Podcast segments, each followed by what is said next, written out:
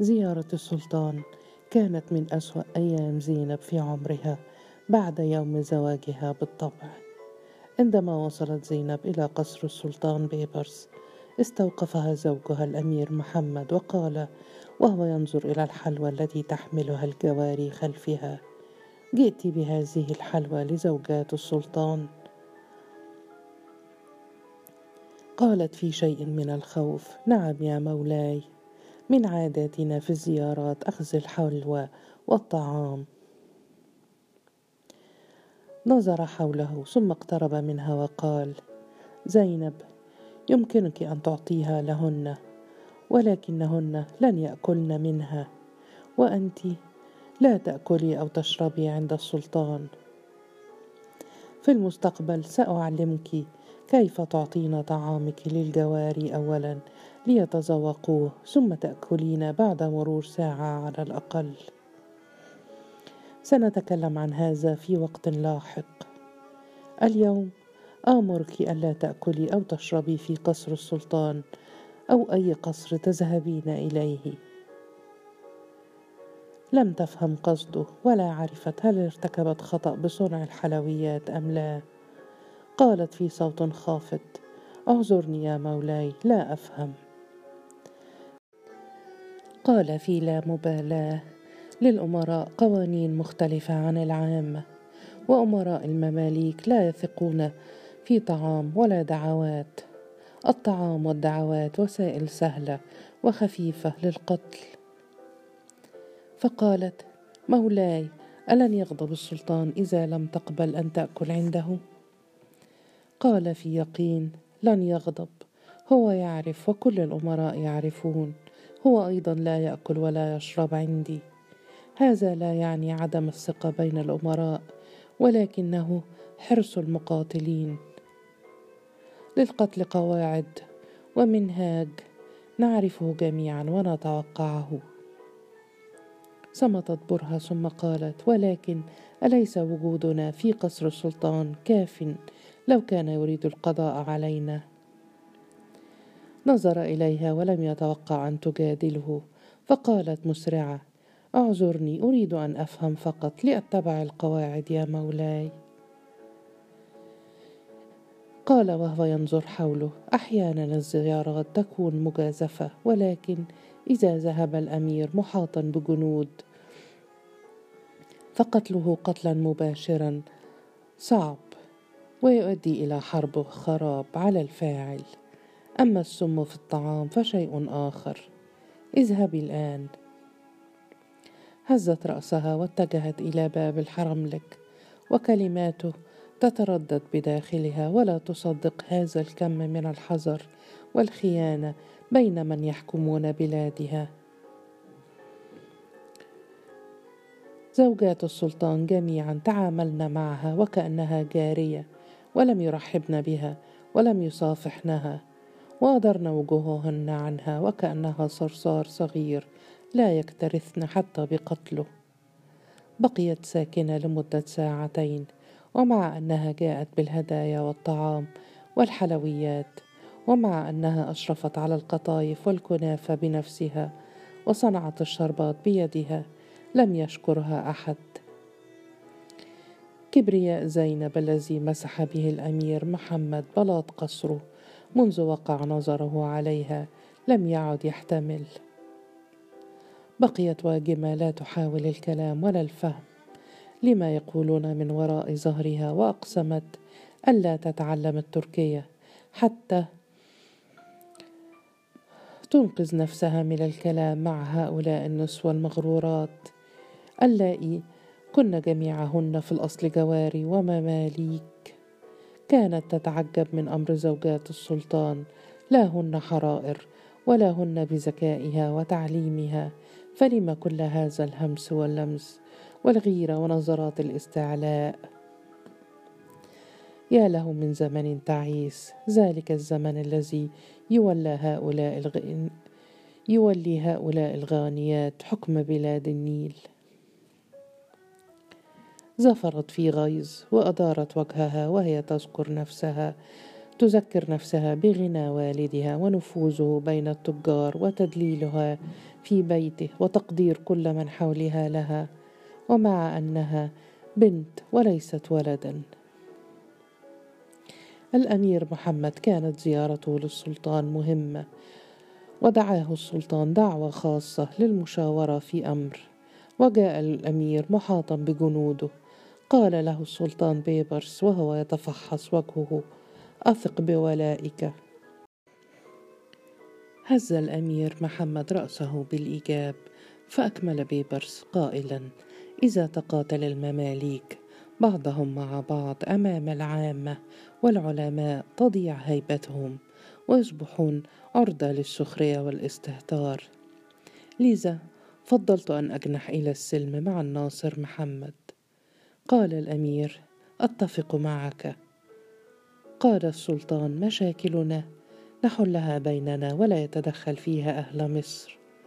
وجود الناصر محمد في الكرك يقلقني ومماليك الشام ولاءهم مشكوك فيه.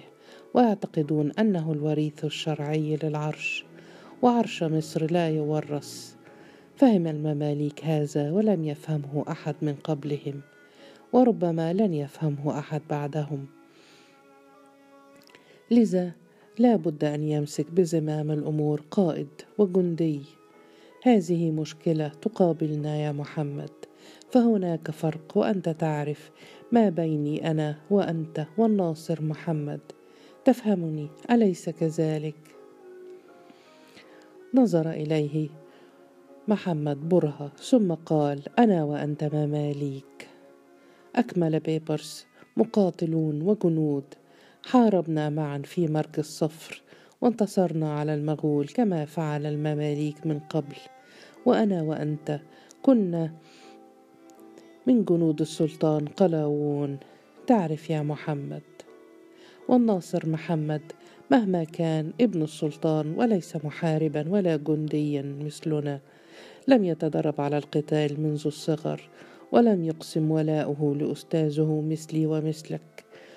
هو من سلالة المماليك ابن ناس وليس مملوكا. قال محمد بعد تفكير أقسمت ولاءك للناصر محمد. قال أقسمت ولائي لمملوك مثلي وليس لابن ناس. هو ابن سلطان ولكنه ليس مملوكا. تعرف قصدي وتعرف الفرق بين أن يكسر المملوك ساقه وأن يكسرها ابن السلطان. تذكر الرجلان الحادثة منذ زمن بعيد عندما استمر في التدريب ساعات ووقع محمد على الأرض فهمس له بيبرس. لو كسرت ساقك لجعلوك خادما تذكر. لم يفهم في تلك اللحظة كيف لطفل أن يتحكم في ساقه ولا يكسرها. وكانت ساقه تؤلمه ألما لا يوصف ولا يحتمل وكان في الثامنة. كتم صراخه واستمر في التدريب وبعد الانتهاء جلس على مخدعه. وحرق الآلام حرق آلام العظام. ليس بعده حرق.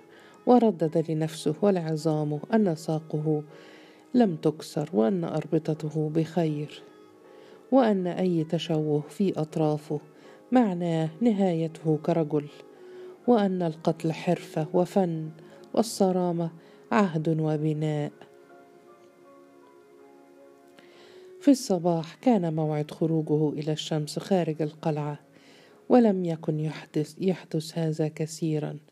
وكان موعد تنزه بين أركان القاهرة التي لا يراها إلا في أوقات قليلة ومحددة. وعندما جرى أطفال المماليك في نشوة بعد فك سجنهم داخل القلعة شهورا يتدربون ويتعلمون كان محمد جالسا في أحد الشوارع يخفي ألم ساقه ولا يتحرك. قال له بيبرز في ذلك اليوم وكان يكبره بأعوام. لو أخبرتهم أنك كسرت ساقك تعرف ماذا سيحدث. فأجاب محمد لم تكسر. فسأله تؤلمك؟ فقال لا تؤلمني. من قال أنها تؤلمني؟ فسأله ولم لا تجري؟ فقال لن اجري كالاطفال المحارب لا يجري إلا في ساحة المعركة للهجوم على العدو. بقي الألم في ساقه شهورا وكان لا بد من إخفاؤه اخفاء تاما ولم يكن متاكدا مما حدث بعد ذلك. هل هي معجزة؟ وإنقاذ أتت من حيث لا يدري. فتلاشى الألم. أم إن الخوف بداخله شفاه؟ وأنقذه من مصير سيء يصبح فيه خادما. ربما في حمامات النساء. لا يعرف أين تكمن القوة ولا الحقيقة. أقنع نفسه أنه لم يكن خوفا. كان يقينا. المحارب لا يخاف. حجرات القلعة تعج بالمحاربين. وليصبح اميرا لا بد من الصرامة والقسوة مع النفس ولا بد من الألم والقوة المفرطة والبتر بلا اي تردد. التردد شيمة العامة. والرحمة شيمة الفقراء والخوف لمن يحتاج إلى المماليك لتحميه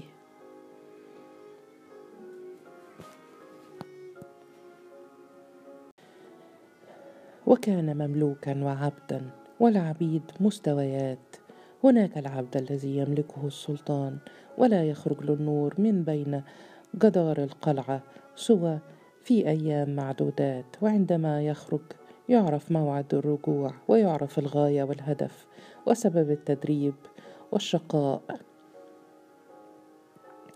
وعندما كبر فهم أكثر وتأقلم ورأى الغواية في سلطة الأمراء وامتلاك الرجال والقصور وكل النساء من أركان الأرض. وحتى لو اختلف الأستاذ لا بد من القتال للبقاء. وأفضل أنواع القتال هو القتال من أجل سلطان النفس وليس سلطان البلاد. فسلطان النفس غوايته تدغدغ الروح وتشبعها. لم يختر أن يكون مملوكا ولكنه اختار أن يكون اميرا. وليصبح اميرا بتر الكثير من الرؤوس وخاض الحروب وفهم المكائد ومارسها.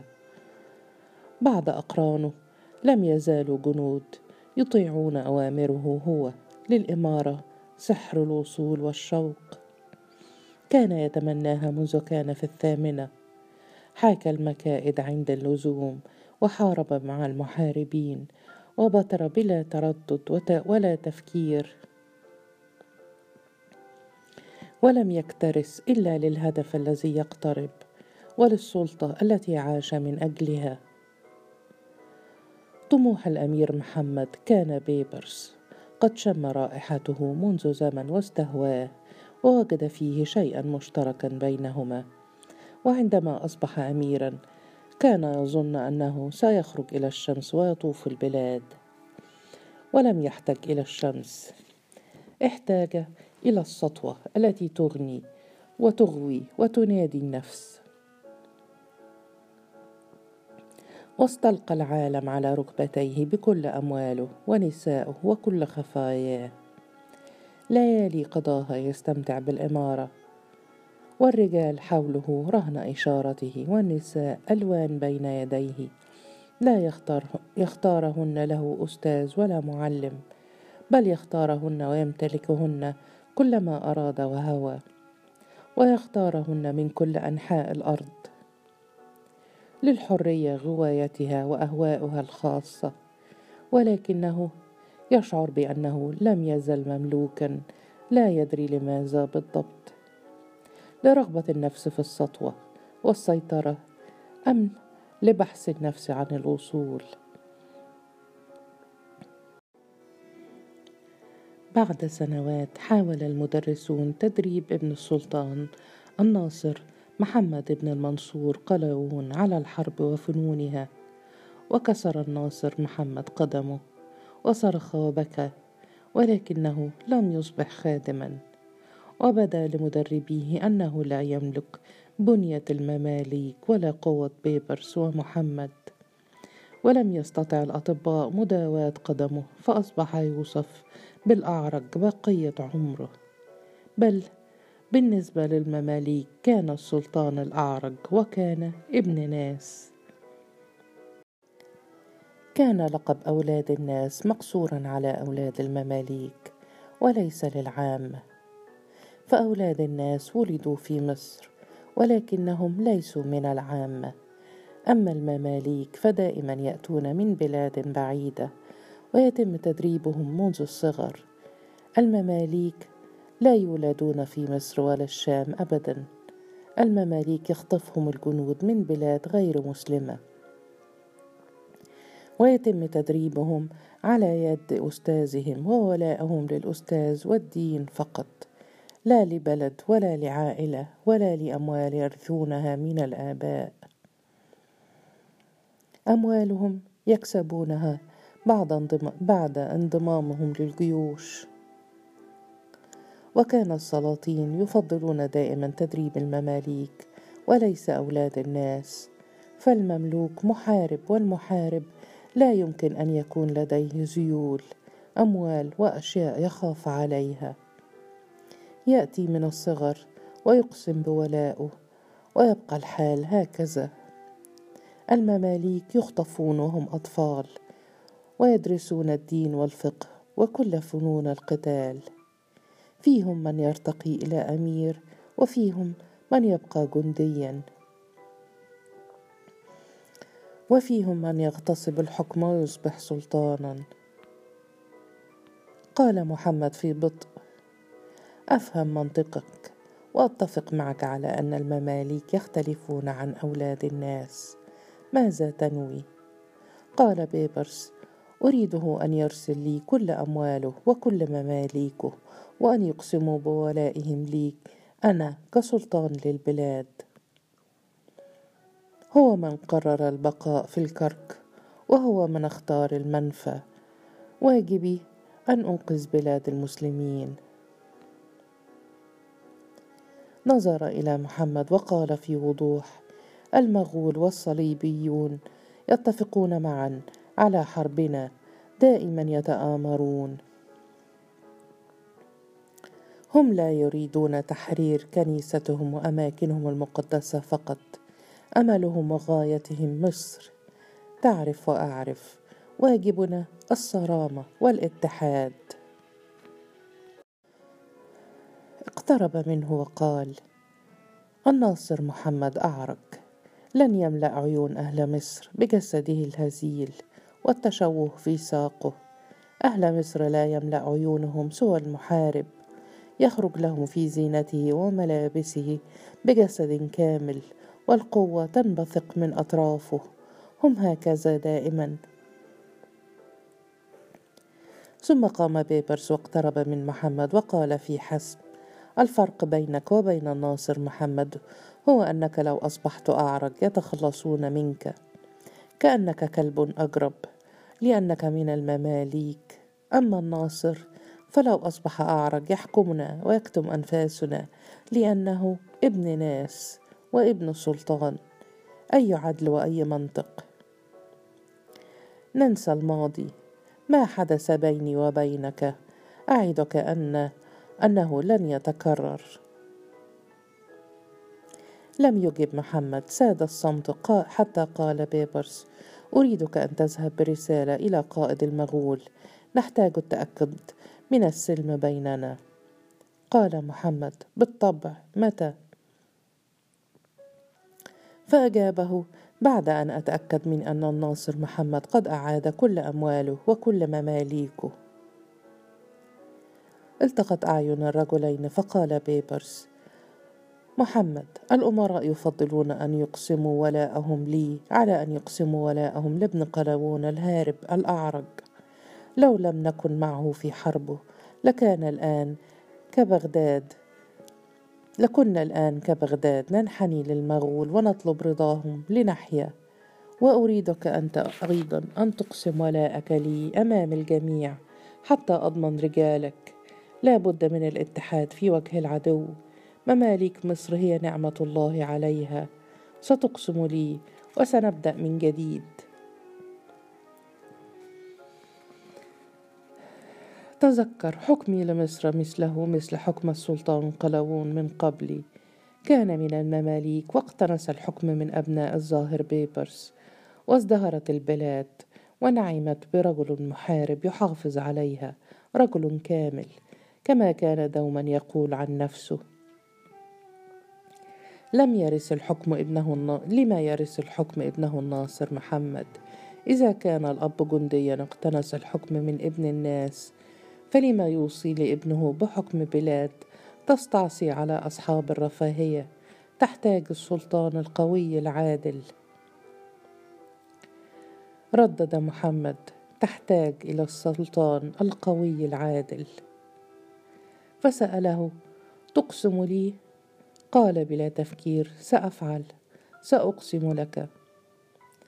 قال بيبرس بعد برهة ولاءك يهمني ونفوذك غايتي. أزوجك ابنتي الآن هنا في القصر لتعرف نيتي وتثق بي. ابتسم محمد وكأنه توقع كلمات بيبرس. ثم قال تعلمنا معا وتدربنا معا. فقال له عهدتك تريد السلطة والمال وابنتي تحقق لك أكثر من هذا. فسأله ألا تضمن ولائي بلا زواج؟ فقال أضمنه. فسأله ولكن تريد أن يطمئن قلبك. فأجاب تفضل فتاة من العامة على أميرة من أولاد المماليك. أجابه أفضل أن أختار نسائي بعناية ولا أضطر أن أضحي بمتعتي من أجل السلطة. فقد راهنت بعمري وقامرت به من أجل القوة ويكفي أن أموت من أجلها ولا أحتاج العيش مقيدا من أجلها. ضحك بيبرس ثم قال أي منطق هذا؟ لم تر ابنتي. الزواج دائما من أجل النفوذ. هكذا حياتنا وأنت تعرف. قال له لا بد أنها من الجميلات. أما النساء فاتركني أختار وانتقي من أريد هم كالفاكهة وأنا لا آكل سوى الأنواع التي أشتهيها ولكن ولائي لك في كل الأحوال.